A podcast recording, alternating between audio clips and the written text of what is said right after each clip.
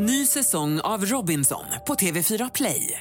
Hetta, storm, hunger. Det har hela tiden varit en kamp. Nu är det blod och tårar. Fan händer just nu. Det. är Detta är inte okej. Robinson 2024, nu fucking kör vi! Streama söndag på TV4 Play. Du lyssnar på podcasten Dokumentära berättelser som görs av journalisterna Sideri Ekenryd och Ylva Ageli. Du vet väl att du redan nu kan lyssna på hela den nya säsongen av Dokumentära berättelser? Gå in på Podplay-appen eller på podplay.se. Där finns nu alla tio avsnitt av hela säsong 10 helt gratis. I den tionde säsongen möter vi fler människor som berättar om sina livsavgörande ögonblick. Det handlar bland annat om mörka minnen från Förintelsen. Om att leva med vetskapen om att en nära släkting varit SS-soldat. Om att ligga i koma, finna kärleken på TV och såklart mycket, mycket mer. Så gå in på Podplay och lyssna på hela säsongen redan idag, helt gratis.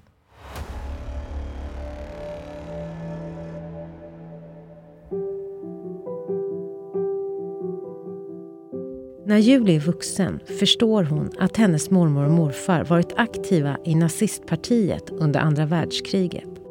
Den bilden som jag fick var av en tyrann. Inte bara tyrannisk mot dem som han härskade över. Dessa personer minns att han var tyrann mot sin egen familj. De gick runt och skakade hela tiden. I det här avsnittet hör vi mer om vad Julie lär sig om sin morfars historia. Vi vet, vi ser det idag i, i Ukraina till exempel och i många andra krig i världen att våldtäkt är ett krigsvapen. Uh, och uh, min morfar använde den. Vi kommer också höra Eva Falström Borg, legitimerad psykoterapeut och specialist på så kallade nedärvda trauman. När, när man gör en resa där man spårar sitt förflutna och sina eh, förfäders förflutna. Man kan ju göra det på olika vis. Man kan göra det genom att göra en sån här forskning som Julie Lindahl har gjort. Och så pratar vi med Julia Sandström, doktorand på Stockholms universitet som forskar om judets minne av Förintelsen. Så Förintelsen har haft en betydande inverkan på världen och anses vara ett av de största brotten mot mänskligheten i historien.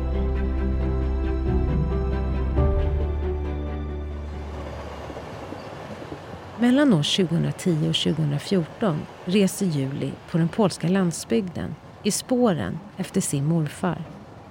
Han var en speciell fyrer över stora egendomar i Polen för att bedriva jordbruk och producera bröd.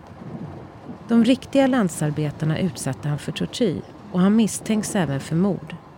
Och till min stor förvåning eh, lyckades träffa fem olika familjer som hade arbetat på hans olika jättestora eh, gårdar. Så var jag helt förbluffad att de kom ihåg honom så väl. Det är väldigt länge sedan. Alla dessa personer hade blivit rätt gammal. Um, men de, de kom ihåg honom direkt. Uh, vissa ehm, um, ville inte skaka min hand. Vissa gick tillbaka till den tiden och fylldes av skräck när de kom ihåg saker som, de, som han gjorde mot dem. Uh, andra var mer villiga för att prata och berätta för mig uh, vad de hade upplevt. Uh, men det var ganska chockerande. Alltså han, den bilden som jag fick var av en tyrann. Inte bara tyrannisk mot dem som han, um, han var härskade över. Utan han var en tyrann. De minns, dessa personer minns att han var tyrann mot sin egen familj. Att de gick runt och skakade hela tiden. Och då började jag få en insikt om vad min mamma hade varit med om. Det finns en idé, och man hör det, det, det den är upprepad så många gånger. Eh, eller det är en fråga snarare sagt om nazisterna. Eh, hur kunde de vara, hur kunde de göra sådana saker på ett arbetsdag och sen åka hem till sina familjer och vara snälla pappor. Men det är fel. Så var det inte alla gånger. Och det, det, det, skulle vara väldigt förvånande, förvånande om det var så. Att de gick i fältet, slog på människor, sköt på dem och så och sen gick hem och var helt opåverkade av detta. Det stämmer inte. Så var det inte. I sin forskning om släkten förstår Julie att det också skett övergrepp inom själva familjen där hennes moster har blivit utsatt. Det var en väldigt sorglig historia. Uh, och jag, jag, vill inte gå in på det för mycket för att det är väl hennes um, det är väl hennes sorgliga historia. Men um, en, vi vet, vi ser det idag i, i Ukraina till exempel och i många andra krig i världen att våldtäkt är ett krigsvapen. Uh, och uh, min morfar använde den upptäckte jag från min mormor faktiskt. Det var hon som sa till mig. Hon, hon berättade aldrig, eller hon förnekade totalt att han var en SS-man.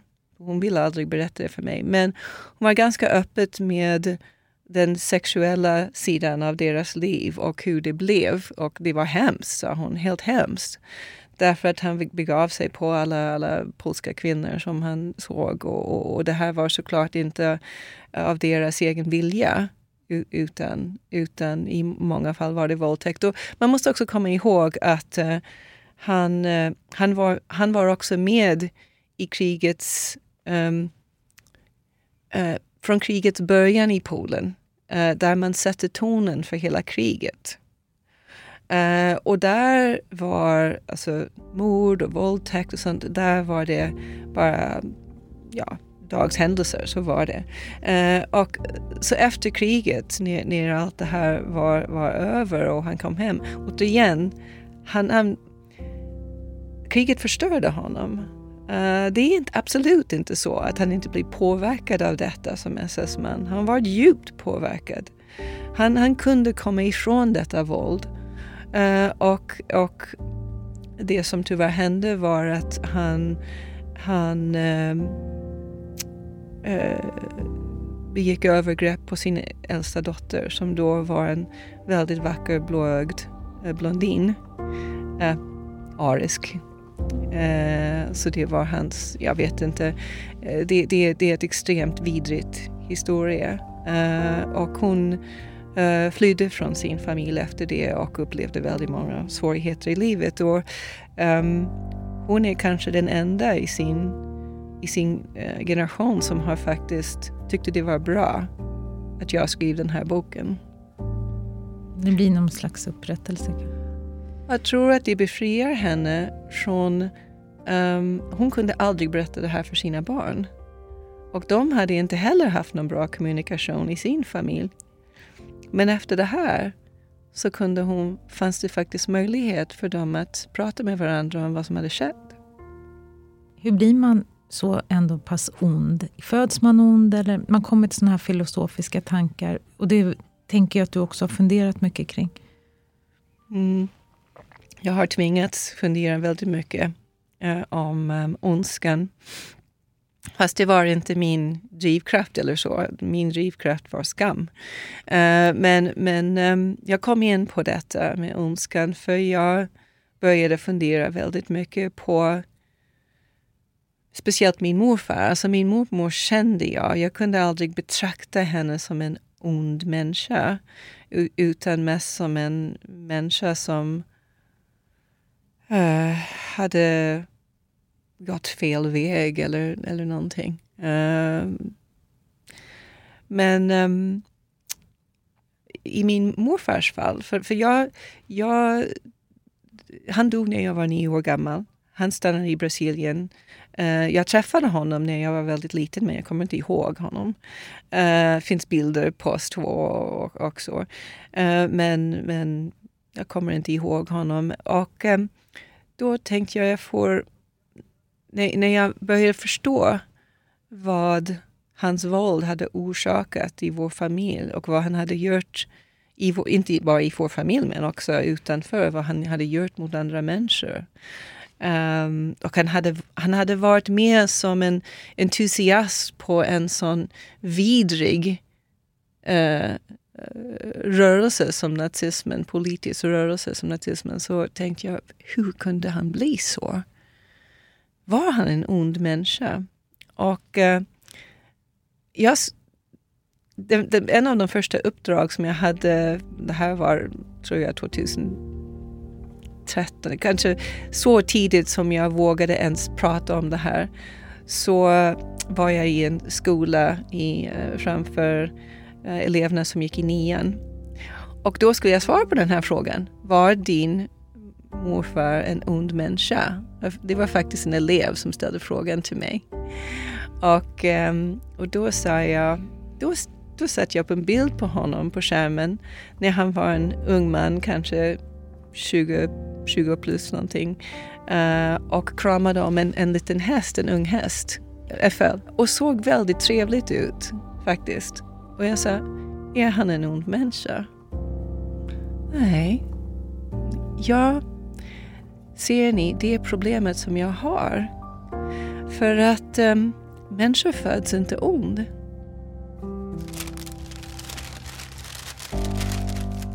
Hon hittar också sin morfars födelsebevis. Hon upptäcker i arkiven i Hamburg, där han är född 1905, att han hade lämnats av sin mamma efter han föddes. Först några år senare hämtades han av sin pappa som inte visste att han fanns. Att vara född utom äktenskapet på den tiden påverkar ens livsval markant. Man har till exempel inte samma möjligheter till olika yrkesvägar.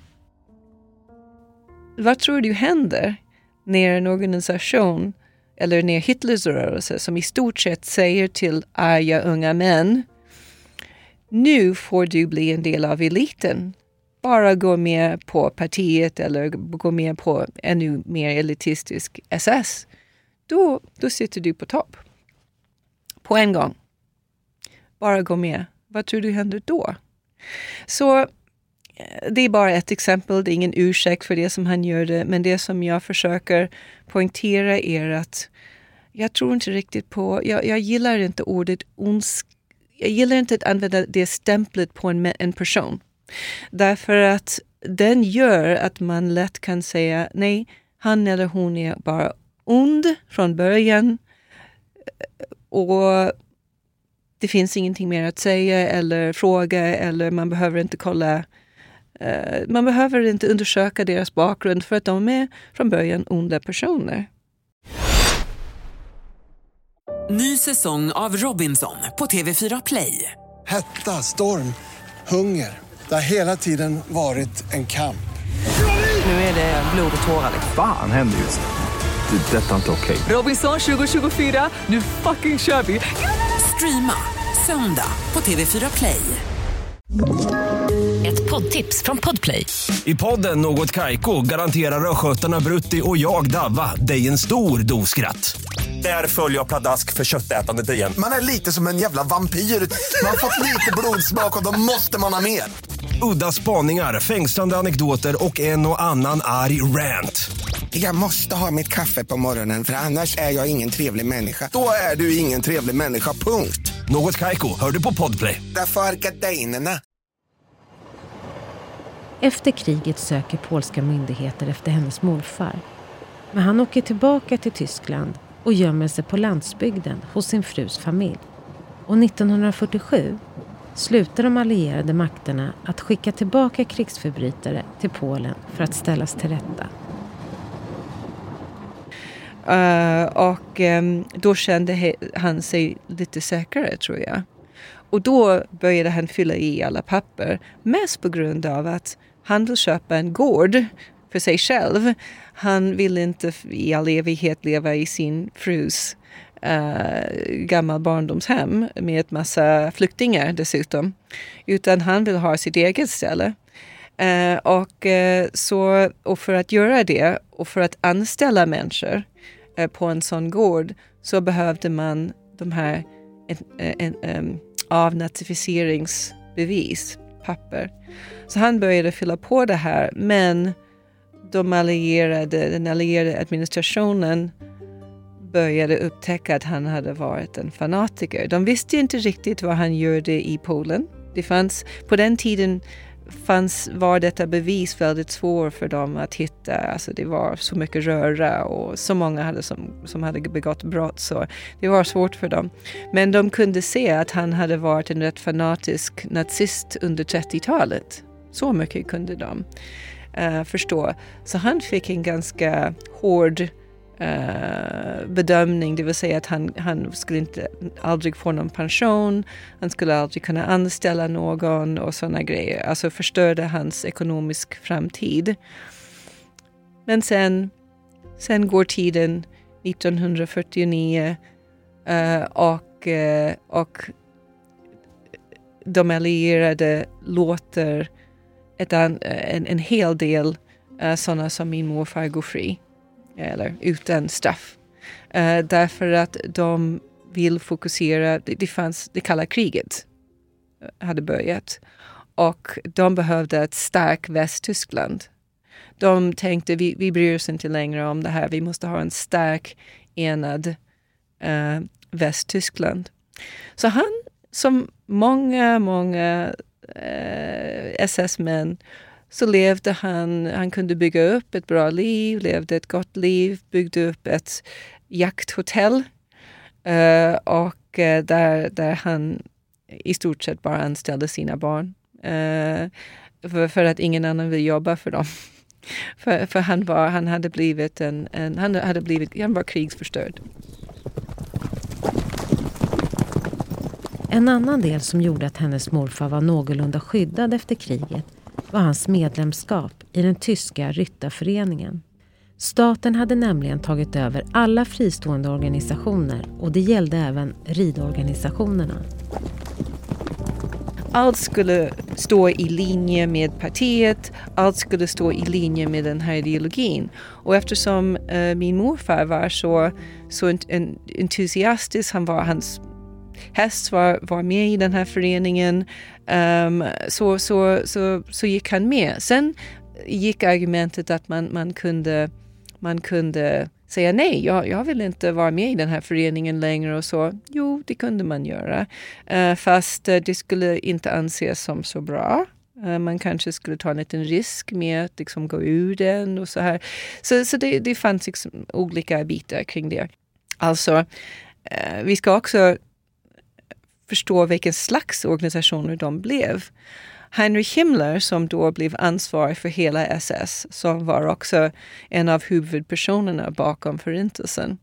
Eh, han, vill, han var väldigt fokuserad för att få med dessa, eh, dessa ridföreningar. Därför att eh, samhällets elit, alltså aristokratin och så vidare, fanns med i dessa.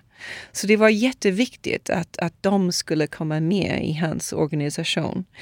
Um, och ehm, um, efter, efter, kriget så um, av anledningar som man inte riktigt kan förstå idag så argumenterade um, de som var, var med i det beridna SS att, um, att uh, de hade inte gått med, gått med av sin egen fria vilja. Utan, eh, eller de hade bara gått med på grund av att de älskade sin sport. Det var allt. Det hade ingenting med ideologi att göra, nazism eller vad som helst. Utan de gick med för att de var så trogen sin ridsport och att de ville inte lämna det. Uh, och och, um, och det, det, det det blir svårare och svårare att tro på därför att flera medlemmar av det beridna SS blir ganska, ganska, uh, ganska um, uh, hur säger man, ökända uh, krigsförbrytare. Så det finns en teori, men det är bara en teori och det kanske kommer förbli en teori, att det är på grund av att den um, uh, av att ridsport var någonting som var så älskad av de kungliga familjer i Europa, inklusive den brittiska kungliga familjen och så, att de allierade ville inte ens um, sätta de här framför rättvisa för, för att det skulle smutsa ner anseendet på Europas olika kungahus. Så Förintelsen har haft en betydande inverkan på världen och anses vara ett av de största brotten mot mänskligheten i historien. Vi hör Julia Sandström, doktorand på Stockholms universitet. För även om Julis morfar klarade sig undan rättvisan så var det många av SS-medlemmarna som ställdes till svars. Den 21 maj 1945 fångatogs exempelvis Heinrich Himmler, SS-ledaren, som hade använt falsk identitet och falskt pass efter kriget. Men han begick senare självmord under interneringen. Nürnbergrättegångarna är till exempel bland de mest kända av rättegångarna som följde efter kriget. De hölls i den tyska staden Nürnberg och den så kallade huvudrättegången ägde rum mellan 1945 och 1946. Nürnbergrättegångarna leddes av den internationella militärtribunalen och de hade domare från USA, Sovjetunionen eh, och Frankrike. Och andra kända rättegångar som hörde till Nürnbergrättegångarna var exempelvis läkarrättegången, domarrättegången och den så kallade Einsatzgruppen-rättegångarna. I Krakow i Polen i november 1947 ställdes 40 Auschwitz-anställda inför rätta. De flesta befanns skyldiga och 23 fick dödsstraff. Och Eh, chefen för Auschwitz-Birkenau-museet i Polen, Piotr Sywinski, uppskattar att ungefär 70 000 medlemmar av SS var inblandade i brott i koncentrationsläger. Men att det bara var cirka eh, runt 1700 som ställdes inför rätta efter kriget. När Eichmann grips blir många SS-medlemmar oroliga för vad han ska berätta under rättegången. Julis morfar blir rädd och säljer av sitt tyska jakthotell och flyr till Brasilien. En plats där SS-medlemmar kände sig relativt säkra på. Senare på 50-talet, kring 1958, då började den offentliga syn på eller det, det fanns ett väldigt, väldigt många olika saker som hände i världen. Um, Israel försökte ställa fler av dessa inför rätta och det fanns press på eh, den tyska regeringen för att börja göra undersökningar, hitta flera krigsförbrytare. Och, och den offentliga synen på vad som hade hänt, jag kan inte säga att den började vända, men det fanns flera röster som sa, började, för, för folk hade mat på bordet, började ha mat på bordet, tak över huvudet och då började man fundera. Så då börjar tyskarna, eh, då grundar tyskarna en, en, um, uh, en myndighet som uh, en juridisk myndighet som hade uppgiften att undersöka och ställa krigsförbrytare framför rätta. Och det här var obekvämt för sådana som min morfar. Väldigt obekväm. Uh, och det här bara växte och växte. Uh, sen så när Adolf Eichmann 1960, april 1960 fångades Adolf Eichmann, en av de stora uh, uh, hjärnor bakom förintelsen, uh, i Buenos Aires av Mossad uh, fångades och man alla visste i SS att det skulle bli ett stor rättegång. Adolf Eichmann var överstelöjtnant i den tyska SS under kriget och han är känd för att ha varit en av de främsta administratörerna av Förintelsen. Hans första huvuduppgift var bland annat att organisera påtvingad emigration av judar i Ungern. Han blev senare också ansvarig för deporteringen och utvisningen av judar till koncentrationslägen i getton i Östeuropa. År 1942, efter att nazistregimen hade beslutat att utrota alla judar, fick Eichmann i uppdrag att sköta logistiken. Men trots detta hade han lite att göra med själva koncentrationslägren. Adolf Eichmann var relativt okänd för allmänheten, även om bevis mot honom långsamt sammanställdes efter kriget, tills han hittades och arresterades av Israels underrättelsetjänst Mossad den 11 maj 1960. Han fördes till Israel för att ställas inför rätta för det brott som han hade begått mot judarna under Förintelsen. Och hans rättegång började den 11 april 1961 och varade i 56 dagar. Han befanns skyldig och dömdes till döden. Och efter ett misslyckat försök att överklaga hans dom avrättades han den 1 juni 1962. Julis morfar dör under 70-talet och som vuxen lever hon själv vidare med en känsla av skam och skuld som hon har burit under hela sitt liv utan att från början veta var den kommer ifrån. Och den var som vilken skam som helst. Det vill säga att man har ingen aning varför den är där. Det handlar om att du är fel. Och det är någonting med dig som är fel som inte ska finnas. Uh, och, um, men när jag, när jag höll på med min forskning och började uh, träffa människor som, som, hade, som ja, var min morfars offer, man säger, eh, så började jag försöka bli av med den här jag började känna en slags skuld, att jag på något sätt bär på en skuld som, som är en familjskuld, en ärvd skuld. Uh, och um, den började uppstå när jag började förstå vad min morfar hade begått. Och uh, då uh,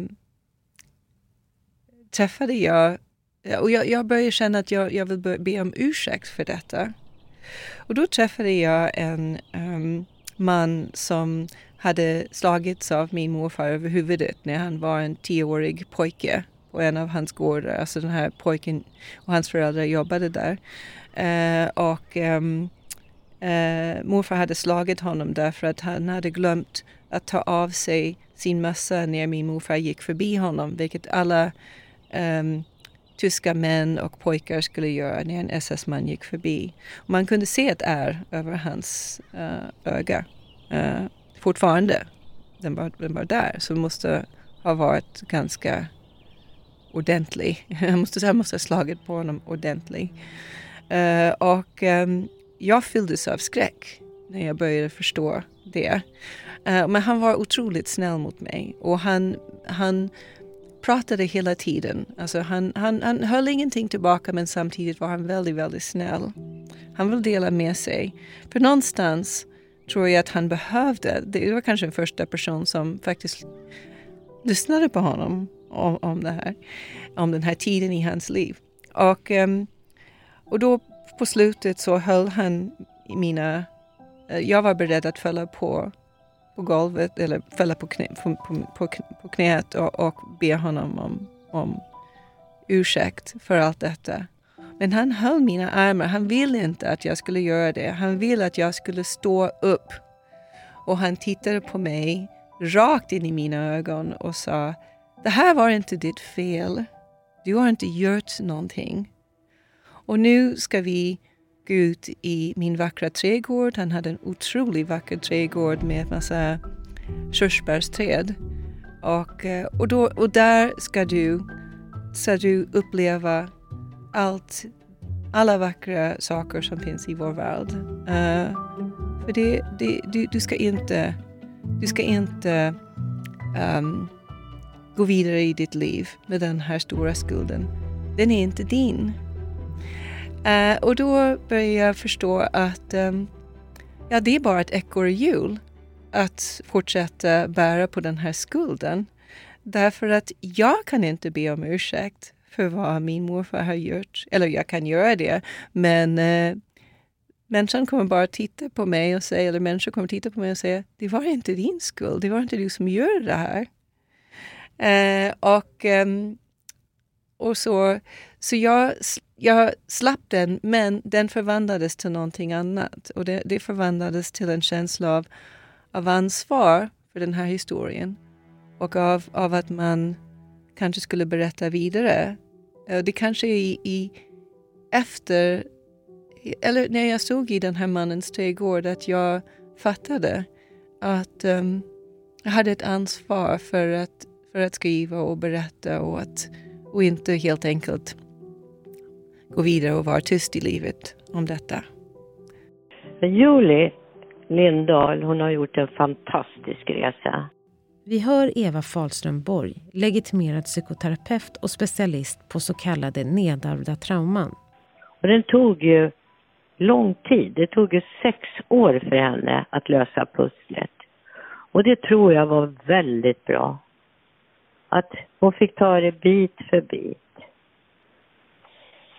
Mm, det som vi har sett väldigt mycket efter andra världskriget, det är eh, att man har velat balansera på en omedveten nivå väldigt ofta, reparera en skuld som man egentligen inte har. Så vi kan se att en del av de här nazisternas barn och barnbarn har blivit, mm, eh, har öppnat barnhem i Angola, gjort sådana här enorma sociala insatser och det är där jag menar att det kanske inte var deras fria val utan en form av reparation, att man ingår i det här eh, familjesystemet om man bär familjens skuld. Och när Julia möter den här mannen så säger han, nej, du bär ingen skuld. Det är inte han, det är inte hon som har piskat honom i ansiktet och lämnat ett ärr för resten av livet. Men för honom att bli uppsökt av Julia, att hon erbjuder att säga förlåt, då har han fått en gåva som han kan säga tack, men skulden är inte din. Men du förstår ju hur han har levt med det här traumat i alla år. Julie kommer till Sverige våren 1996 och möter sin man. De får tvillingar, en pojke och en flicka som är vuxna idag. Och de vet ju om din historia och det har ju blivit väldigt transparent om, med din bok. Mm. Upplever du att det har hjälpt dem att bearbeta liksom sin bakgrund? Alltså jag vet inte om de kände att de hade någonting att bearbeta. så. Eh, jag har ingen aning. Ehm, vad jag försökte eh, undvika att göra var att mata dem med detta hela tiden. För att eh, jag tror särskilt när, när barn blir tonåringar vill de ehm, Alltså har de en, en känsla av att de måste befria sig från sina föräldrar och jag vill inte att de skulle känna att befria sig från mig handlar också om att befria sig från, det, från historia. Eh, utan eh, det vill jag inte att de skulle försöka um, kasta bort låt oss säga. Uh, så att jag, och jag var inte i det läget, jag hade inte den um, Uh, emotionellt så, så var jag fortfarande väldigt skakig hos mig. Jag skulle aldrig kunna sitta och berätta som jag gör med dig nu på det, Eh, under min forskning, uh, mina forskningsår. Så jag, jag gömde ingenting för dem, men sen så berättade jag inte allt. Och sen måste man komma ihåg att de var unga barn. Uh, alltså allt det här våld och alla, allt som uh, forskning om kriget innebär kanske ingenting som unga barn ska behöva lyssna på hela tiden. Um, men jag kan kort berätta om, för att avsluta och avrunda, eh, om att när jag, min bok först kom ut i Sverige, januari 2019, eh, så, så var mina barn redan eh, unga vuxna och, ehm, och eh, och jag berättade absolut inte för dem att jag skulle vara på radio eller tv eller någonting. Jag, jag bara gjorde det eh, när det kom ut. Och den första var på jag minns inte, det var på SVT eller vi var ett morgonprogram. Och um, min dotters, några av mina dotters vänner uh, meddelade henne att jag hade varit på eh, uh, morgonsoffan. Och så ringer hon mig och säger, mamma varför har du inte berättat att du har varit på tv idag? Och jag säger, ehm, ja, jag vet inte varför. varför skulle jag? Mamma, jag har, jag har tittat på avsnittet, sa hon. Och jag är jättestolt uh, på dig och över det som du har gjort. Och jag, i det momentet visste jag att jag hade brutit ett gammalt mönster, vilket var att vi behöver inte längre känna den här, jag har brutit den här skuldskammonstret. Min dotter behöver inte känna det över den här historien längre, utan hon kan känna sig stolt. I nästa avsnitt. Plötsligt hörde vi från trapphuset en röst som ropade De har kommit till vårt hus för att hämta en judisk familj. För att få en djupare förståelse i de grymheter människor utsattes för under just andra världskriget kommer de två kommande avsnitten att handla om Dina och Jovan. Jag minns hur vi stod, min mamma och min storebror och jag och vinkade. Pappa stod med andra på, på, på öppen lastbil. Vars barndomar och uppväxt kantades av fasor och övergrepp utförda av Nazisttyskland. Och de vinkade och var mycket glada för att nu ska de jobba på landet, inte ska de röja, jobba med att röja ruiner. Och de, tog, de, de tog till en skog, de fick gräva stora gropar och blev, de blev nedskjutna. Så gick det med Banat-provinsens och Belgrads alla judiska män. Glöm inte att alla avsnitt av säsong 10 finns ute redan nu på podplay.se eller i Podplay-appen. Och vill du komma i kontakt med oss som gör den här podden och dela med dig av din historia, mejla då oss till kunskapsstudion gmail.com.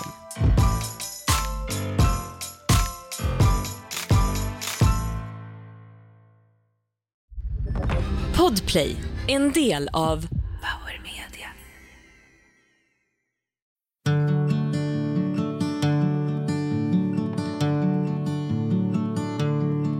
Det fanns spår från det förgångna som jag inte kunde se men som skymde de stigar där jag går. Stumma ord som aldrig sa mig vad som skett och skulle ske men en tystnad som talade en Rädslan att gå vilse om jag visste blev ett hot. Men längtan efter sanningen var svår att stå emot. Jag vill bli fri ifrån den sorg som sakta trängde in. Jag vill stå långt ifrån den skuld som aldrig varit min. Nu kan jag ta emot det liv du länge velat ge. När jag sett allt det jag inte skulle se. Jag fann sår i det förflutna som jag inte vetat om. Men som tyngde mina känslor var för sig. Var det något jag borde glömma? Jag inte skulle bry mig om. Men jag visste att de också sårat mig. Det är lätt att börja tveka, att inte veta vad man vill. Men tyngre är att förneka, att inte våga känna till. Jag vill bli fri ifrån den sorg som sakta trängde in. Jag vill stå långt ifrån den skuld som aldrig varit min. Nu kan jag ta emot det liv du länge velat ge. När jag sett allt det jag inte skulle se. Minnet är det enda som blir kvar med alla outsagda frågor som bara väntar på sitt svar. Jag vill bli fri från den sorg som sakta trängde in. Jag vill stå långt ifrån den skuld som aldrig varit min. Nu kan jag ta emot det liv du länge velat ge. När jag sett allt det jag inte skulle se. När jag sett allt det jag inte skulle se.